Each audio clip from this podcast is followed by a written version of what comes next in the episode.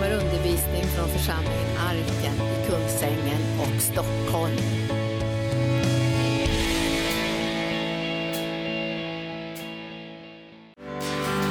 Ja, vi välkomnar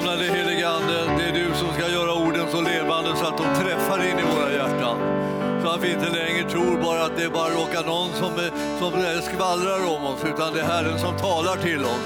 För att han ska skaka vårt innersta, för att han ska väcka oss till medvetenhet om vad han, vem han är och vilken väg som han vill att vi ska gå på.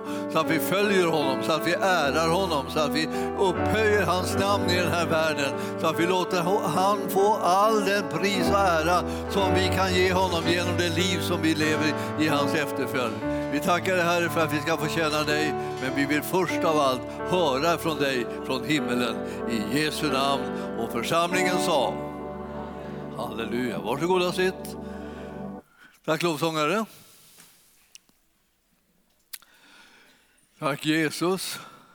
Ja, jag fick ju liksom lite reklam här. Det var inte, jag, jag ska säga till er att det var inte ett beställningsverk från min sida. Jag vill bara liksom understryka det. Utan Marianne hon är så där godhjärtad så att hon bara säger några vänliga, vänliga saker om en så här när man minst anar det. Eh, det var trevligt att höra. Eh, eh, hon, hon har betytt mycket för många människor ska jag säga då för att ge henne tillbaka lite eh, och vittnat för många och varit liksom ett exempel för hur, hur en, en person får sitt liv förvandlat och får en levande tro. Eh, och eh, får en frimodighet att tala om Jesus med andra människor. Så Marianne är ett riktigt gott exempel på det och har alltid varit en glädjekälla. Tack Marianne! ja. Eh, vi ska gå till Efesierbrevet, för jag ska tala till er lite grann om, om Guds församling och om, om oss, hos oss. Vi som är Guds församling. Eh, vi ibland tror vi liksom allt för mycket liksom på att eh, vi, vi, har liksom ett eget liv och det är liksom det som är huvudsaken. Men det är, huvudsaken är det livet som vi eh, har del i, som är Jesus Kristus i Guds församling. Herren har en sån underbar plan med oss allihopa. Och det har gjort att det finns betydelse och mening med det som vi företar oss de steg som vi tar och de val som vi gör betyder någonting. Det är, det är riktigt allvarligt liksom vad, vad, vad det är som Herren räknar med ska kunna komma ut genom våra liv. Och han vill tala till oss om det och han vill väcka oss så att vi ser eh, vilket fantastiskt sammanhang vi är insatta i när vi är insatta i Guds församling och i Jesus Kristus. Han har planer för oss som gör att vi ska få, få kunna sätta spår i det här livet och det ska bli rejäla spår. Och jag känner ibland så här, ibland har jag haft lite sådana tankar på att man, tänk om det är så att vi är precis som sniglar. Alltså vart vi går så sätter vi spår. Fast vi bara inte tänker på det. För när vi ser sniglarna gått fram så vet man ju liksom där har gått en snigel. För där liksom ligger ett litet slemspår. Nu, eh, eh, alltså, liknelsen som jag använder nu den, den handlar inte om vad, vad för slags spår du sätter, att du skulle vara som en snigels slemspår. Utan det är bara det, det är synligt var det har gått fram. Så du, du, eh, när du går tillsammans med Herren och när vi går tillsammans med Herren så sätter vi spår. Det blir liksom någon slags märk, det blir märkt av att vi har varit där. Och ju mer vi håller oss ihop med Herren och med varandra, desto djupare och tydligare spår blir det efter oss. Och Det betyder att de där spåren kan vara till ledning för andra människor. Vilket håll är det som vi ska gå åt? Vilka val vi ska göra. när vi kommer till en korsning, vilket håll ska vi gå åt? Ja, det syns då på det spår som vi har satt där att vi har valt att följa Jesus i mängder med olika såna här valsituationer. Och så kan andra få liksom styrka av det valet och bli uppmuntrade och känna att livet blir lite lättare när de kan se hur vi gjorde och vart vi gick och att vi valde att följa Herren i, i olika, olika sammanhang. Och Det är det som är meningen, att vi ska hjälpas åt att göra livet så att säga, lättare för varandra och samtidigt så ska vi tillsammans med Herren göra det oerhört otroligt svåra och eh, klara av det med glans därför att hans kraft är så stor och verksam i oss. Så att när vi tittar i Efesierbrevet 4 här så handlar det om Guds församling. Jag älskar ju det där med Guds församling därför att jag tror på Guds församling. Alltså jag är inte någon som tänker att Guds församling, ja det kan man ha eller inte ha, utan det, kan man liksom slänga bort eller det, det, liksom, det, det bryr man sig inte om. Utan, utan liksom, eller så bryr man sig om den därför att man vill att den ska vara som man själv vill att den ska vara. Det vill säga att man hela tiden liksom tänker att ja, om inte församlingen är som jag vill att den ska vara, då kan den vara. Då struntar jag i den. Men du förstår, det är du som ska passa församlingen. Och det är jag som ska passa församlingen. För församlingen är Kristi kropp och det är där som du och jag ska in. Vi, det är inte vi som håller på och bestämmer, det. Han har redan bestämt hur han vill att hans kropp ska vara. Och han vill, har redan bestämt vart han vill att hans kropp ska ge sig, eh, eh, syssla med och vad den ska göra och vilka mål den ska nå. Det har han redan bestämt. Så han håller på att kalla på dig och mig. Kom in i församlingen, kom in i kroppen och utför det som är ditt uppdrag och din, din, din plats som Herren redan har planerat och gett till dig. Så därför när man börjar tala om församlingen så är det liksom frågan om vad vill du Herre? Vad ska jag göra? Hur vill du använda mig? Alltså, och eh, det är inte så att behöv, i Guds församling så behövs det många herrar. Vi har redan en. Och han duger, han räcker och det blir inga fler. Vad blir, det, vad blir det sen då, när vi redan har en Herre och han heter Jesus? Vad blir det då? då? Vad ska vi göra då? Vi ska tjäna honom. Så alltså, om du och jag kommer på det här så blir många saker mycket enklare. Men tror vi att vi ska bli herrar, då har vi problem. Jesus säger till sina första lärjungar som också hade ett problem med det här och tyckte att, liksom, att de ville liksom vara liksom de som bestämde och, och så där. Och, och så, sa, så sa Jesus alltså, det, det, det får inte, ingen av er får uppträda som herrar mot folket. Eh, det är otillåtet. Och då tänkte jag, vad, vad, vad kom det att innebära då? Betyder det att eh, ingen fick säga någonting? Betydde det att ingen fick besluta någonting? Eller så, eh, nej, det betyder det inte. Det betydde det att det som skulle sägas och beslutas det var sånt som Herren hade sagt och beslutat.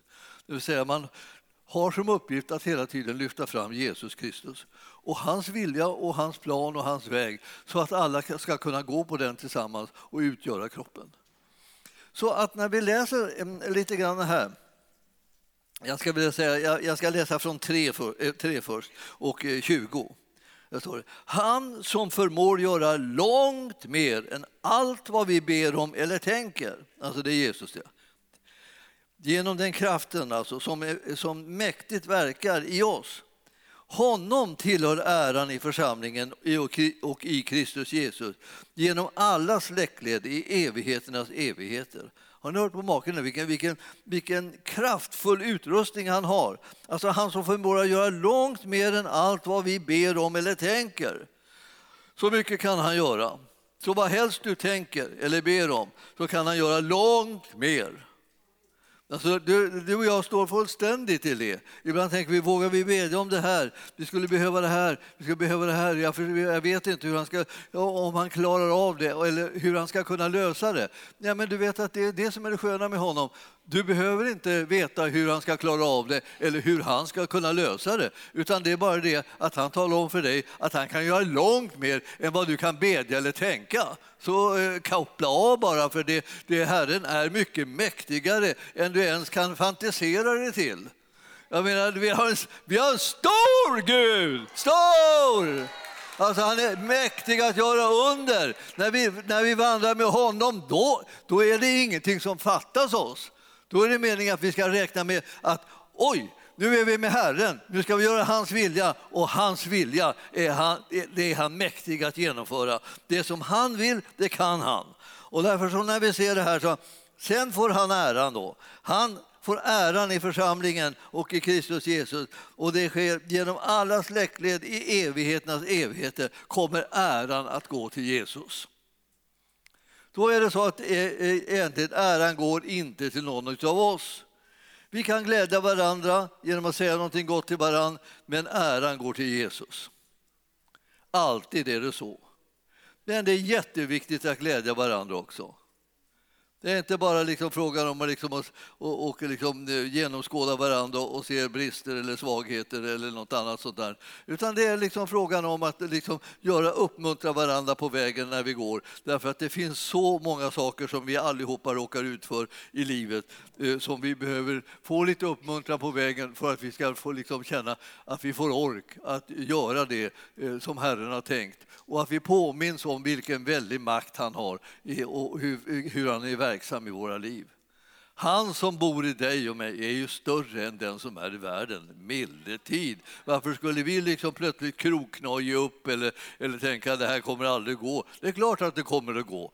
Han som bor i oss är större än den som är i världen. Alltså, jag vet inte vad du tror på, men det här är vad jag tror på.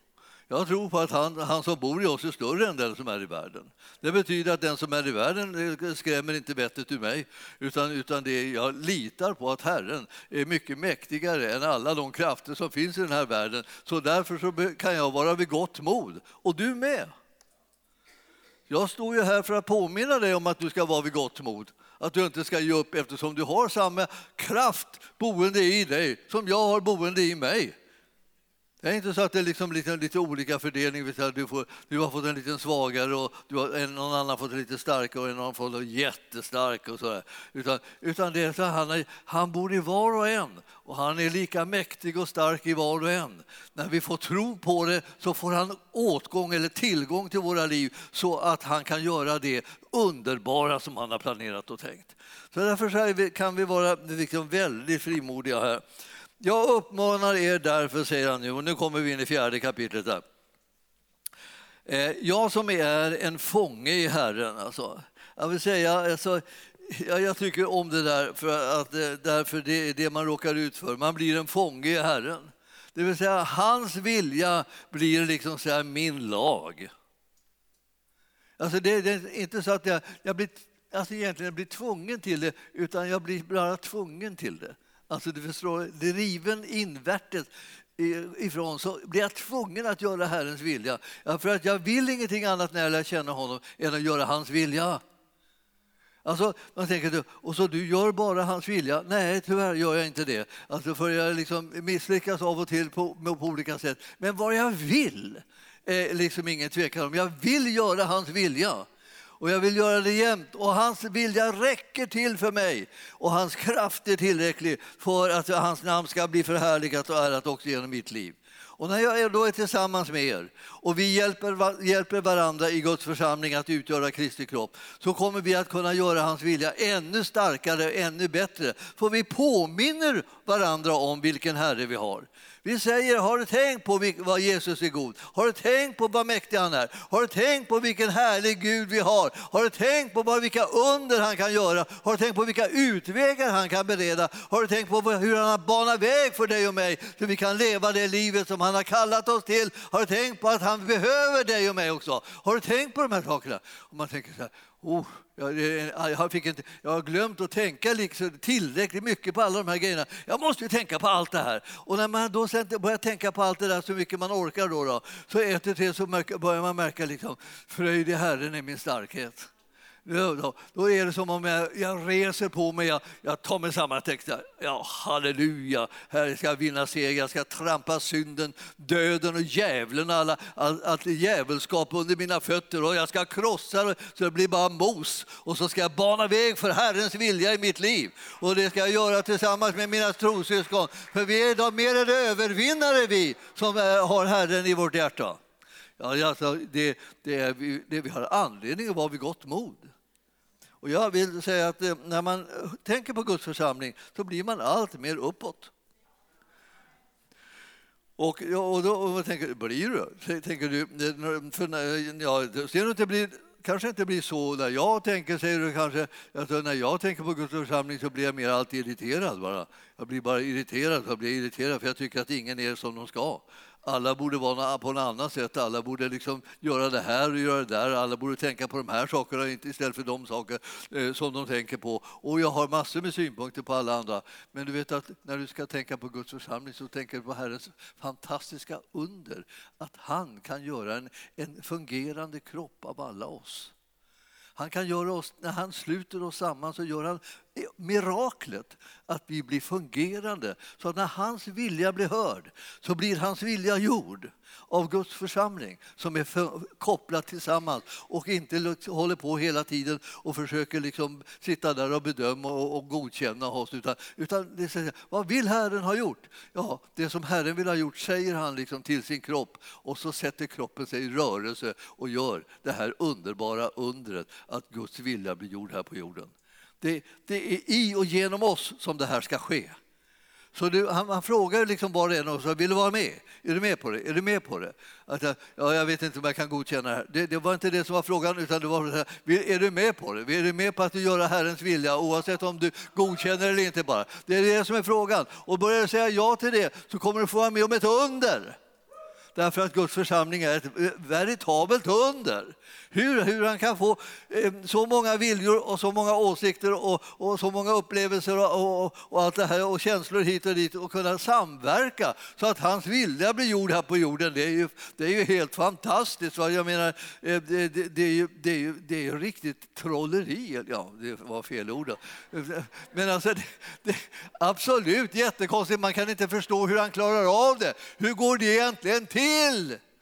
Och, och då kan man säga det vet man inte. Det är han som gör ett under. Han har all makt. Så mycket större än allt det som du och jag kan bedja eller tänka. Va? Det var det. Han sprängde alla de där ramarna och så plötsligt så blev hans vilja gjord. Ja, halleluja, tack gode Gud för att han struntar i våra konstiga ramar. Och sen är det så här att det står alltså, vad, vad ska vi vara nu då? Va? Jo, för, för det första då, att eh, jag är en fånge Herren, så jag, blir, jag känner mig liksom, jag bara vill göra hans vilja. Och sen är det här, att leva värdigt en kallelse som ni har fått. Det vill säga att du och jag och är tillsammans kallade att göra, eh, eh, leva ett liv som, som han har kallat oss till. Det är vi som har fått kallelsen att leva ut det här livet. Det är hans liv som ska levas ut. Och du undrar så här, men, men jag då? Ja, det, det, du behöver inte oroa dig. Du, du kommer att märka att det som blir synligt av dig, det är det som är hans liv och som du egentligen passar för allra bäst. Det är det livet som han vill med dig som du ska leva och det som är ditt egentliga liv. Det är inte bara liksom så att du sitter och önskar någonting, för han tycker någonting om ditt liv som är större än vad du kan be eller tänka. Så det är ett mycket bättre liv det som han erbjuder dig. Och han erbjuder dig ett liv tillsammans med de andra. För att han, hans liv, för att hans namn ska bli förhärligat ibland oss. Och då står det så här. Var ödmjuka och milda på allt sätt. Ja. Eh, jag vet inte om ni brukar meditera på det ordet. Var ödmjuk och mild på allt sätt. Annars måste jag säga det att det är nog ett ord som vi behöver meditera på lite grann för det, det, det är liksom som man, säger, man glömmer det, det sjunker undan. Det kommer i glömska skulle man kunna säga till och med. Det här att vara, vara ödmjuk och mild. Eh, det, är liksom allt möjligt annat. Eh, vi lever i en värld liksom där man lever på ett annat sätt, än, eh, så, med ödmjuk och mild. Så när man stöter på folk eller stöter på liksom myndigheter eller stöter på liksom tv-program och så där, så inte tänker man så här, oh vad de var ödmjuka och milda i det här programmet. Man, kan inte komma ihåg att man ens någonsin har sett ett program där man var ödmjuk och mild. Det är som att sådana här kvaliteter liksom inte har, är inte moderna. Men Herren säger att var, var nu det, sikta på den här istället. För det här är sånt här som är liksom typiskt Gudsriket. Gudsriket vill att vi ska vara ödmjuka och milda. Och, jag, vill, jag, vill, säga det också när det gäller det, för det här är alltid en risk med de här sakerna. Att, att man tycker att alla andra borde vara ödmjuka och milda. Det är liksom det, så här, ja, det fattas väldigt mycket ödmjukhet och mildhet här överallt. överallt så, här. så därför fästas man. I själva verket ska man ta fram sin spegel bara och så kan man titta där och så kan man tänka så här, hur är det med ödmjukheten och mildheten? Ja, gode Gud hjälp mig. Ja. Och så, kan, och så kan han börja hjälpa en att liksom träna på vad kan det vara för någonting.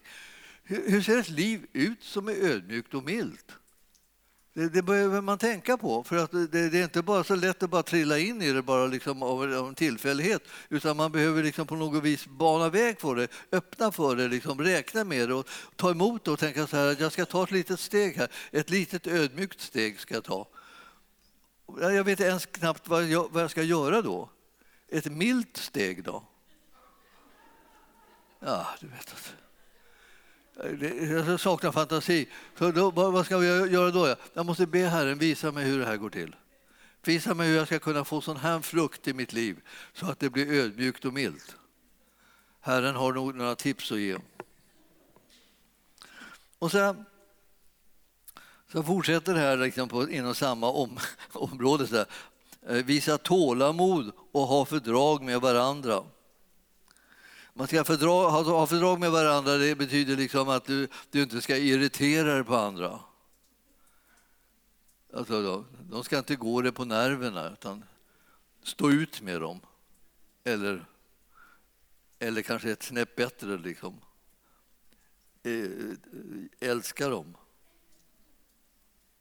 Det, ni ser, det, det här är inte småsaker. Här inte. Ha, fördrag, ha fördrag med varandra i kärlek, alltså älska dem. Ha tålamod med dem, käre någon. Tack Jesus att du finns och hjälper oss. Var ivrig att bevara Andens enhet genom fridens band. Och man ska tänka sig, hur ska vi kunna få en församling att vara enad? Och det behövs den heliga Andes hjälp. Och så, är det liksom, så behövs det att man ger rum för frid och inte strid. Det är ingen konst att strida. Det är bara att låta köttet härja. Så kommer ni märka att det kan man, man få strid nästan i varenda relation och, och när som helst. Men om man ska försöka hitta ett liv som liksom gör att det uppstår enhet och harmoni kärlek och glädje och frid och sådana saker, då måste man liksom eh, gå tillväga annorlunda. Man måste bedja att det här som Herren vill ska komma fram verkligen ska komma fram. Man måste bedja om att man får kraft och vishet att kunna öppna för det som är, är kvaliteter som Herren älskar att se. Det som han vill ha i sin kropp. Och nu är vi tillbaka till det här med kroppen. Så du tänker på kroppen, då tänker du det här är hans kropp.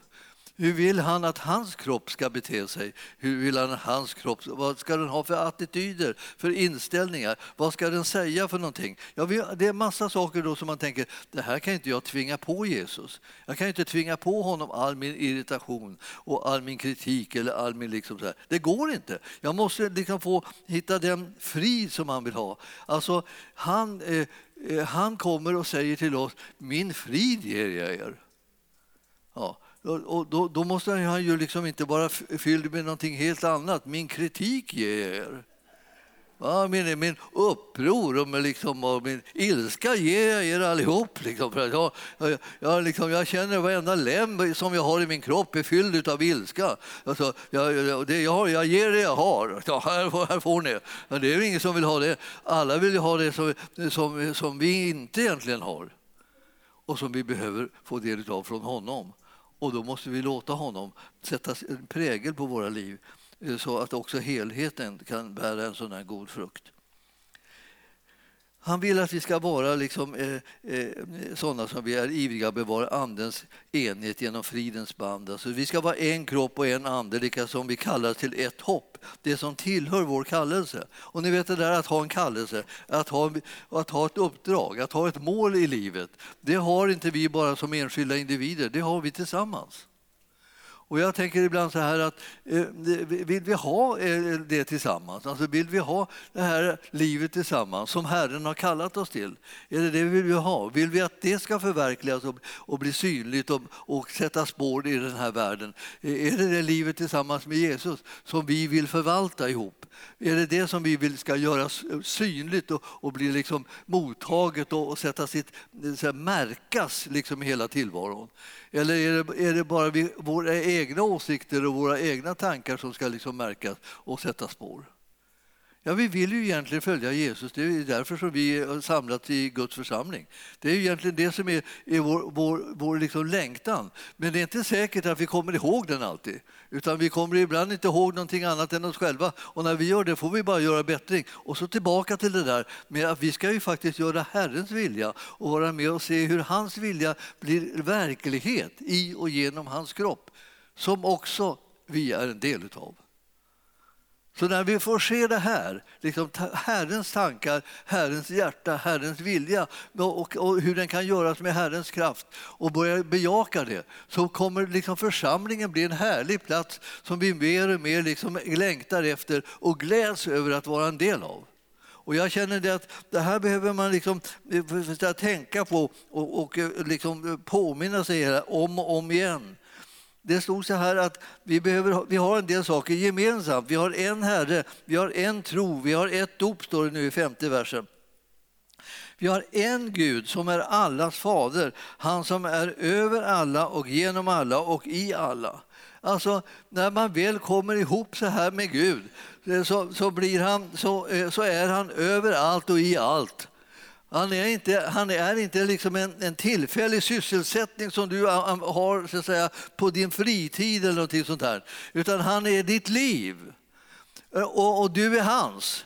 För att eh, du ska ut, liksom leva ut hans liv och det är det som han längtar efter. Och han säger här, jag är med i allt. Eh, och jag är överallt i ditt liv. Och jag, jag, kommer inte att släppa någon sida liksom ifrån mig utan alla delarna i ditt liv vill jag vara med och påverka och influera. Det, det är vad Herren säger här. Ingen av oss liksom är tänkt att vi ska komma undan honom utan vi vill ju att han ska liksom nå oss överallt. Tänk om man ändå kunde nå oss på djupet kan vi säga ibland. Tänk Herre om du kunde bara röra mig på djupet av mitt hjärta. Rör vid mig på djupet och förvandla mig till din likhet. Ja, och eh, eh, han eh, vill bönhöra dig. Och, och, när han vill bönhöra vill du fortfarande liksom att han ska röra dig på djupet. Om han säger ja till det där. Ibland så ber vi böner som vi inte är säkra på att vi skulle säga ja till dem om vi visste att vi riskerade att han sa ja till bönen. Så säger han ja till bönen och så står man där liksom. Hjälp, kom. Det är precis som bönen använd mig. Alla har bett den. När man kommer in i kristenlivet så hittar man snart bönen använd mig Herre. Här är jag, använd mig. Den bönen hittar man. Tänk om man säger ja med en gång när du ber den. Okej, okay, då tar jag dig, säger han. Vänta, vänta, vänta, vänta. Vänta, vänta. Jag, jag, ska bara det här, jag ska bara det där, jag ska bara det där. Och jag, jag, kan inte, du får inte göra det hur som helst. Du, måste göra, du får inte göra så här och du får inte göra så här. Och, och, och jag vill inte att du hittar på de där sakerna. Jag vill inte. Och så talar man om för honom alla begränsningar, alla begränsningar, alla begränsningar. Till slut så har han just ingenting kvar att arbeta med. Därför det var vi som ville bestämma. Men det där med att, att här är jag, använd mig som du vill. Betyder Lägg dig inte i det. Bara häng på. Då blir man ju nästan mörkrädd, livrädd, liksom allmänt darrig och tänker vart ska det här ta vägen? Och en del av oss när vi har tagit sådana steg någon gång i livet och de blir ju inte så väldigt många i allmänhet utan man, för att man, man tycker att man, man vet inte riktigt om man klarar av det alltid. Men när man har tagit dem så märker man liksom att det, det spränger liksom det spränger undan och förändrar hela livssituationen. Det, det kastar allt möjligt över, liksom, över huvudet bara bort ifrån dig och du står i en helt ny livssituation. För Herren håller på att förvandla ditt liv därför att hans vilja behöver bryta fram på nytt där. Och så är det för oss allihopa, att vi liksom, efter ett tag så är det dags igen. Hans vilja måste få bryta fram på nytt. Nu har det blivit för mycket av dig och mig. Liksom. Nu har vi liksom, nu har vi liksom lagt oss i för många saker. Nu står vi i vägen, nu står vi emot för många saker. Nu, nu har vi bestämda åsikter hur allting ska vara och så kommer inte Herren oss att göra det som han vill. Och så måste han liksom bryta igenom på nytt och så att hans härliga, underbara vilja får ske. Och när vi märker att det sker så tänker man, varför har jag inte gjort det här tidigare? tänker vi då. För då liksom påminner vi oss, ja men Gud är ju god.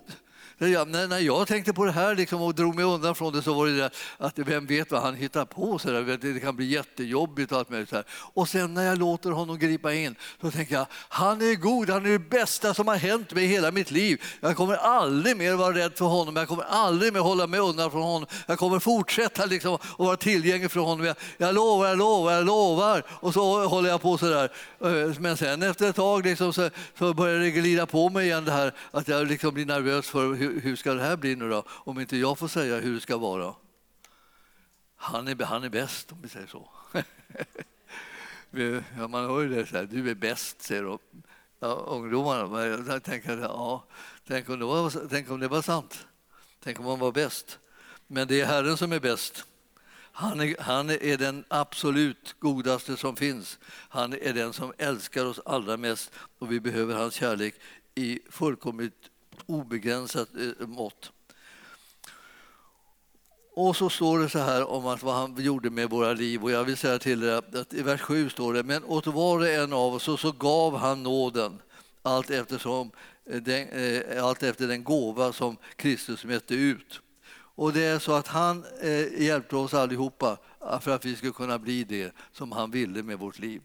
Och för var och en innebär det, och jag vill säga det till er allihopa när ni, när ni tänker på era funktioner och era uppgifter och, så där, och, och kallelser och så i Guds församling, att det finns ingen, och jag har sagt det så många gånger men jag säger det igen, det finns ingen uppgift som Herren har gett någon av oss som inte är precis lika mycket värd som en annan uppgift som han ger. Alla uppgifterna är absolut supermycket värda och han är så glad åt oss när vi tar de uppgifterna och med stolthet och glädje gör hans vilja. Vi har inte fått uppgifterna för att jämföra oss med varandra eller tävla eller någonting sånt där. Vi har fått uppgifterna därför att han har gett dem. Alltså har ni märkt att det står att det är han som delar ut uppgifterna? Det är inte vi som delar ut de här åt varandra och, så där, och, och godkänner och väger och håller på med varandra, utan det, det är han som gör de här sakerna.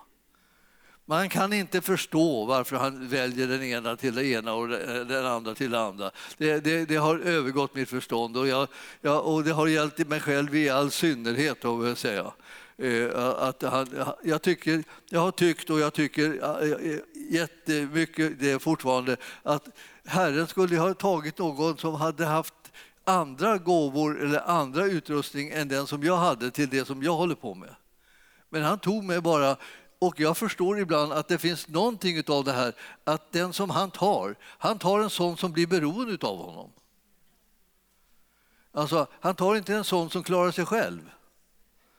Utan han tar en sån där som är beroende. Därför kan man plötsligt säga, varför tar du inte den där? Jätteduktig, den där är duktig.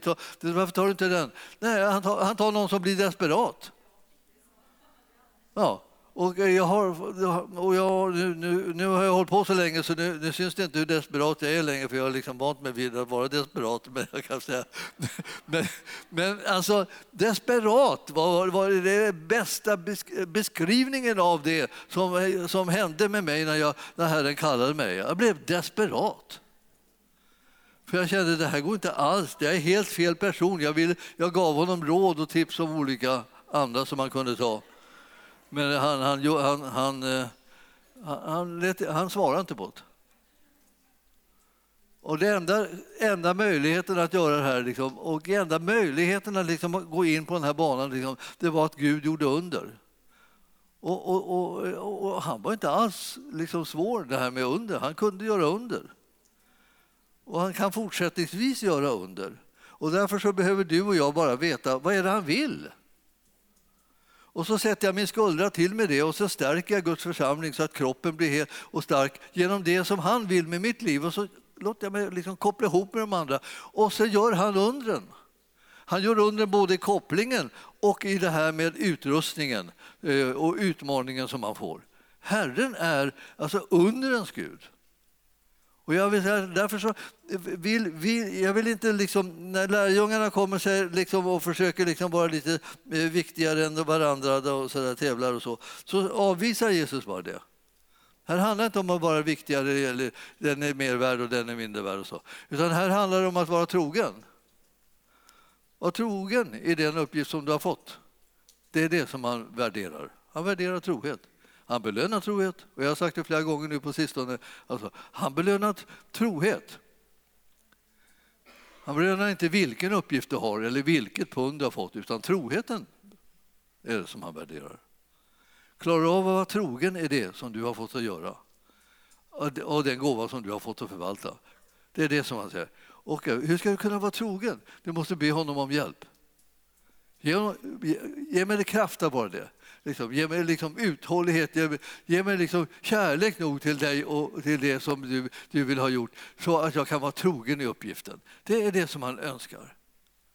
Och du tänker ja, men jag, ja, men jag tänkte att jag skulle göra det här och det här. Du ska tänka vad han tänker. Du ska tänka hans tankar om dig. Vad han vill ha dig till är det bästa som finns.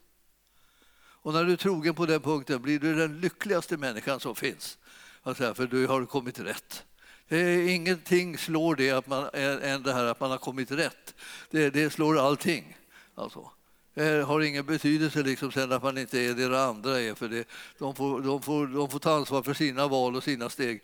Men du själv ska veta att du, när Herren kallar på dig så är det du som ska stå i det som han vill ha dig i. Och så sätter du till din skuldra där på den plugg och så låter du det infogas i kroppen och så låter du Herrens vilja ske. Och du blir en person som blir tillfreds. Och du känner alltså härligt, äntligen är jag på rätt plats.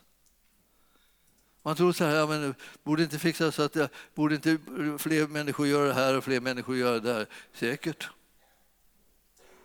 Lyssna till Herren får du höra vad det är du ska göra och se vad det är, vilken gåva som du har fått och förvalta den så trofast du kan så kommer du märka att alla andra möjliga eh, gåvor också kommer på rätt plats. Det är liksom märkligt det där. Hur, alltså, eh, ibland så går ju folk och väntar på att du och jag ska komma på rätt plats. När vi har kommit på rätt plats så kan de komma på rätt plats. För då finns plötsligt den platsen. Om inte, eh, ibland så kan vi gå i åratal och vänta, eh, vänta efter vad är min plats, vad är min plats? Och, och det beror på liksom att det finns din plats, den har liksom ingenting att koppla ihop med ännu för de andra inte vill, vill, inte gå in i den platsen och de andra de vill inte göra det och de vill inte göra det. Och alla vill de hålla på att stå på samma fläck. Så det liksom blir liksom en riktig folksamling på en enda fläck och där ska alla stå och där ska alla vara och ingen kommer rätt. Och det enda man får är slitage. Man blir trött och sliten och man blir liksom utbränd och liksom alldeles, alldeles eh, fullkomligt fördärvad av det hela.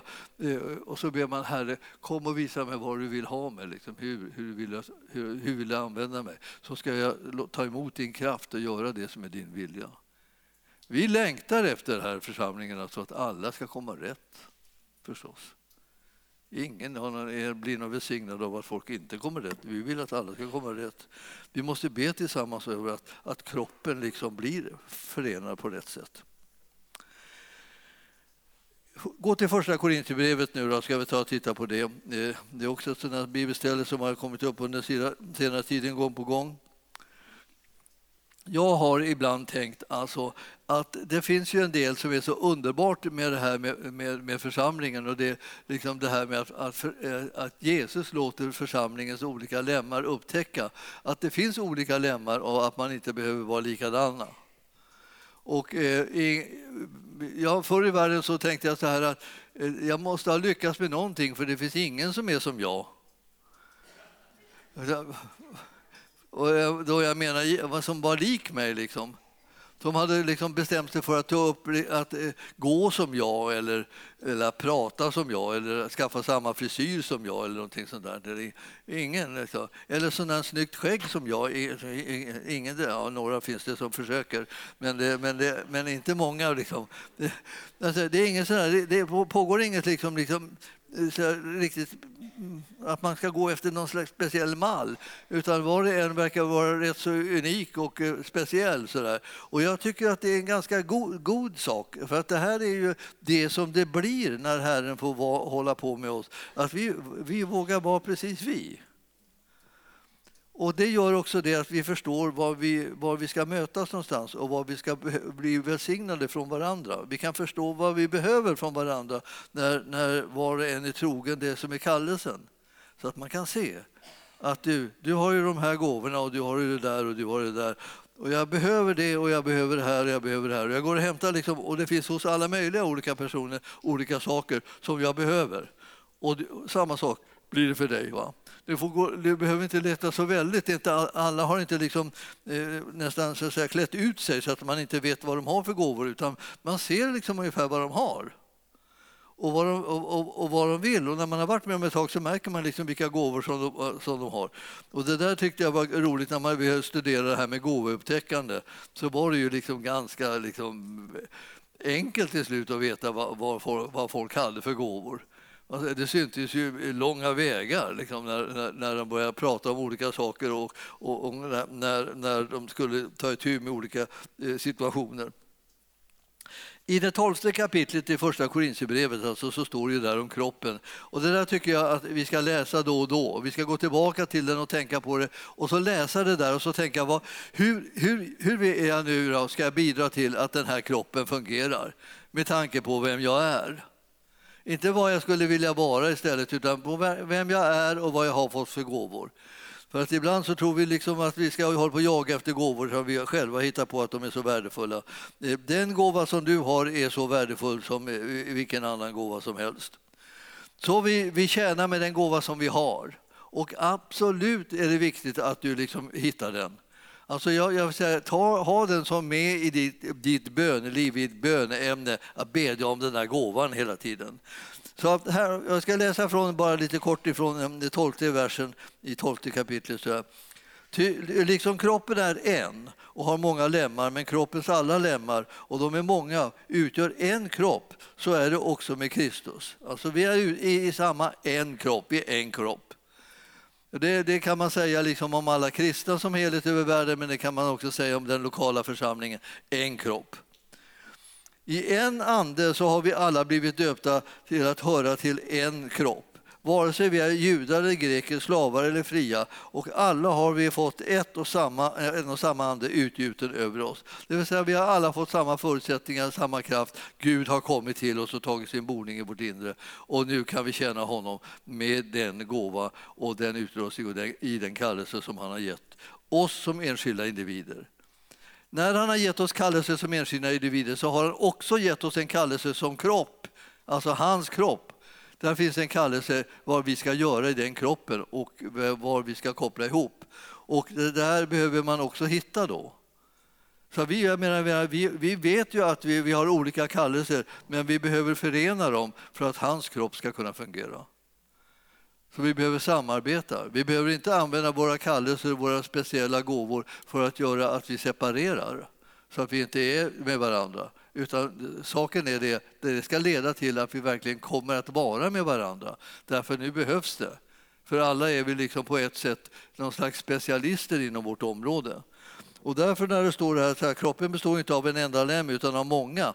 Om foten sa eftersom jag inte är han så, så hör jag inte till kroppen och så hör den ändå till kroppen. Och nu kommer en uppräkning av sådana olika missuppfattningar där man inte fattar att man skulle höra dit bara för att man inte är som andra. Och det är klart att, eh, att man hör dit i alla fall.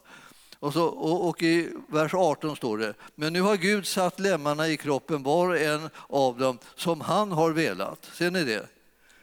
Det är han som vill saker och ting och sätter saker och ting på plats i kroppen.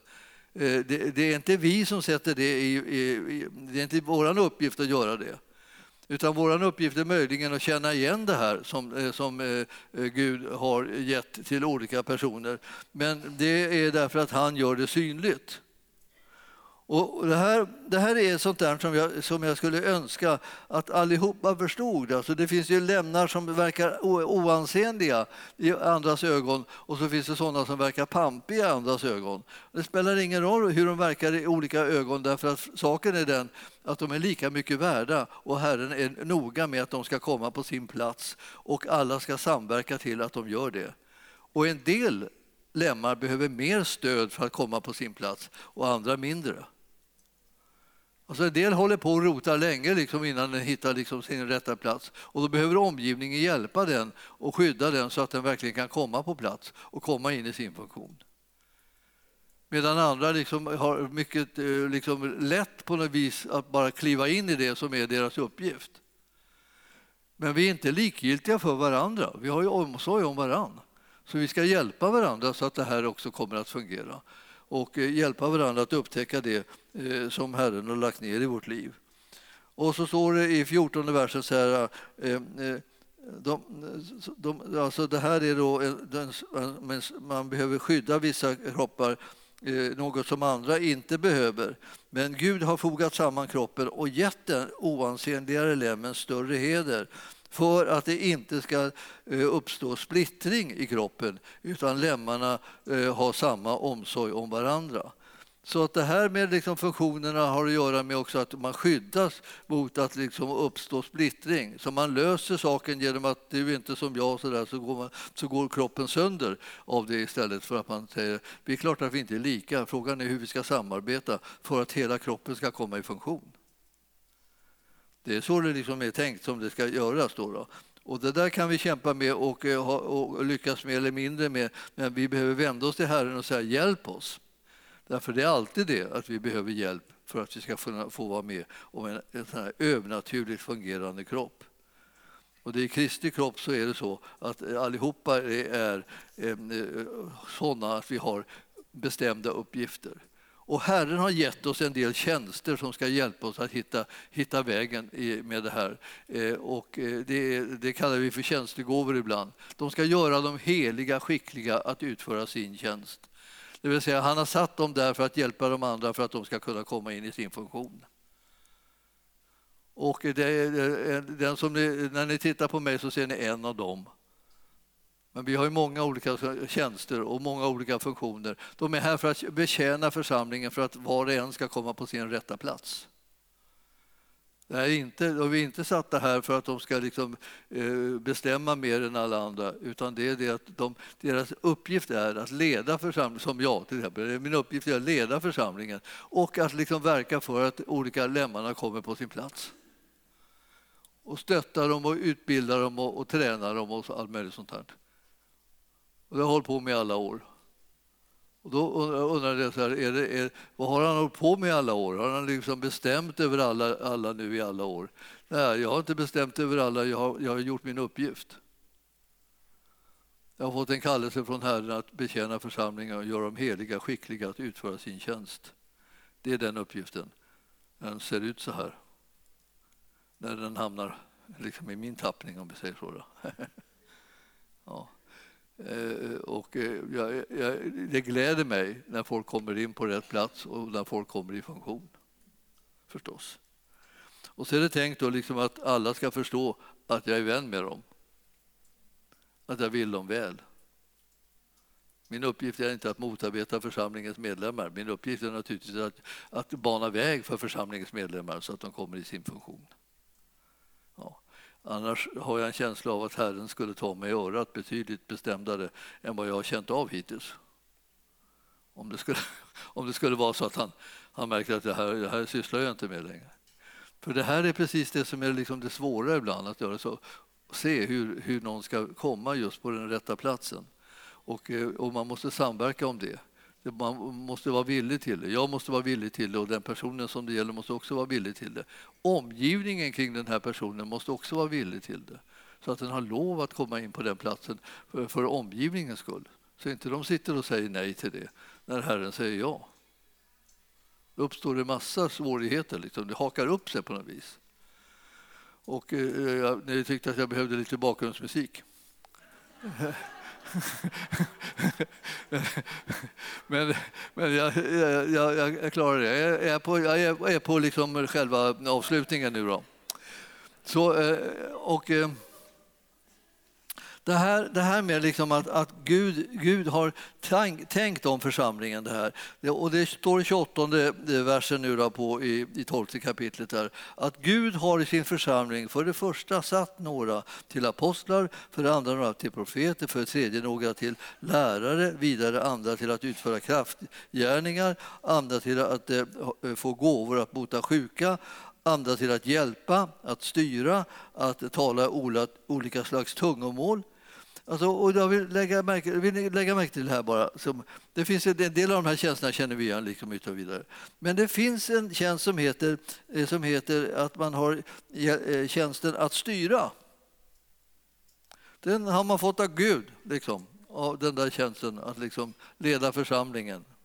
Och, och det sätt som Herren har talat till mig om genom åren har varit att jag vill jag vill vara ett exempel, jag vill tala om för församlingen vart jag är på väg och vad Herren säger till oss om, om olika saker där vi ska gå vidare tillsammans. Och så räknar jag med att församlingen så att säga, som jag har ansvar för känner igen min röst också, inte bara Herrens röst utan även min röst och följer när vi går åt det hållet som, som Herren har talat om. Då styr jag det här lite grann. Men jag styr inte så att jag kommer att jaga med blåslampa för att tvinga er att gå dit ni inte vill. Utan det, jag styr det genom att jag, att jag säger vi ska gå ditåt och så går jag själv ditåt. Och så följer de som har förtroende för det och eh, de som inte har förtroende för det följer väl någon annan som de har förtroende för antar jag. Men det är liksom på det här sättet det går. Det, blir inte liksom, det, är inte, det är inte en styrning som blir någon slags, att man sätter koppel på folk eller sådär. Eh, så, så man drar dem dit de inte vill. Eller att man anställer en massa hundar som ska bita dem i, i hasorna så att de ska driva som en flock åt det håll de inte vill. Utan de, de kommer bara höra min röst att säga att det, vi ska gå till det där hållet. Och sen så, så, så ser de mig för, liksom, försvinna över nejden och så får de bestämma sig för liksom, om de ska vara med den här herden eller om de ska vara med någon annan herde. Så är det ju. Och det här, det här är liksom ganska, eh, ganska speciellt alltså, eh, och, och, lite äventyrligt. Det är mycket enklare naturligtvis om man, liksom all, man bara satt, slog liksom någon form av nät runt allihopa och så bara drog de dit, dit, dit de skulle gå. Och, så där. och Då tänker man nu, nu har jag tagit, med, tagit ansvar för jorden. Men ansvar för jorden, eh, det, det, har jag som helhet. Men den enskilde individen har ansvar för om den vill vara med i jorden eller inte. Förstås. Så vi har liksom båda liksom ett slags ansvar. Jag har ansvar för att leda jorden rätt och, och, och de enskilda i jorden har ansvar för att välja rätt jord att vara i och sen vara trogen i den jorden. Så vi liksom har varandra så att säga på ett, i en slags överenskommelse, egentligen ett förbund. Eh, jag tänkte på att Torbjörn talade om det här med förbund. Vi har slutit ett förbund. Eh, vi har överlåtit oss till varandra. Och eh, när vi har överlåtit oss till varandra så, så tjänar vi Herren tillsammans och så gör vi hans vilja och så utgör vi hans kropp. Och det han säger till oss att göra tillsammans, det gör vi ihop. Och det här eh, liksom gör att hans vilja blir gjord i och genom den här församlingen. Så liksom är mycket, så här, mycket mer komplicerat än så där är det egentligen inte. Men man kan naturligtvis trassla till det, men jag menar, så där ser det ut liksom, eh, ganska mycket från min horisont. Då, då.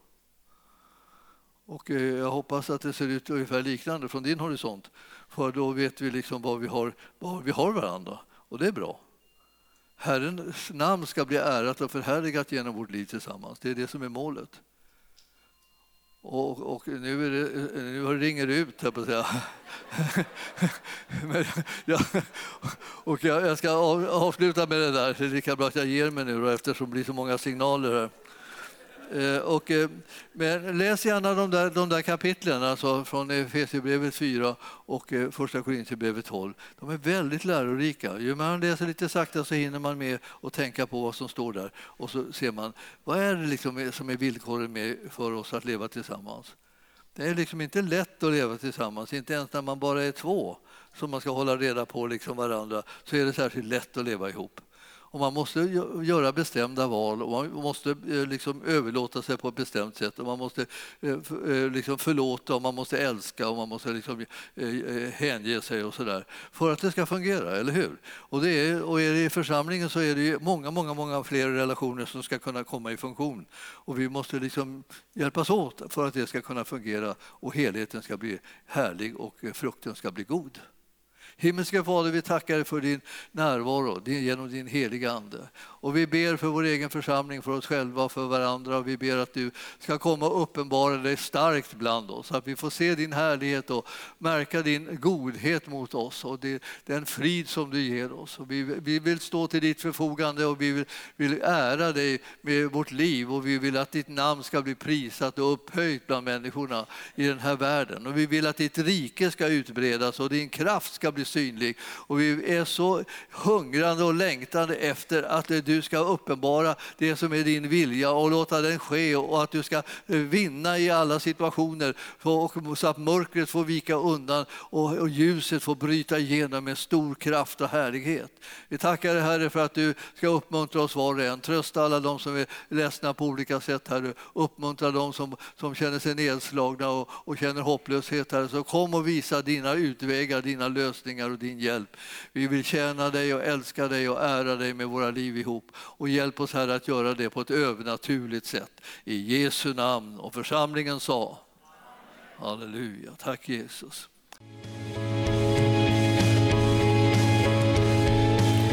Tack för att du har lyssnat. Vill du få del av mer information om församlingen Arken, vår helande tjänst, bibelskola och övriga arbete, gå in på www.arken.org.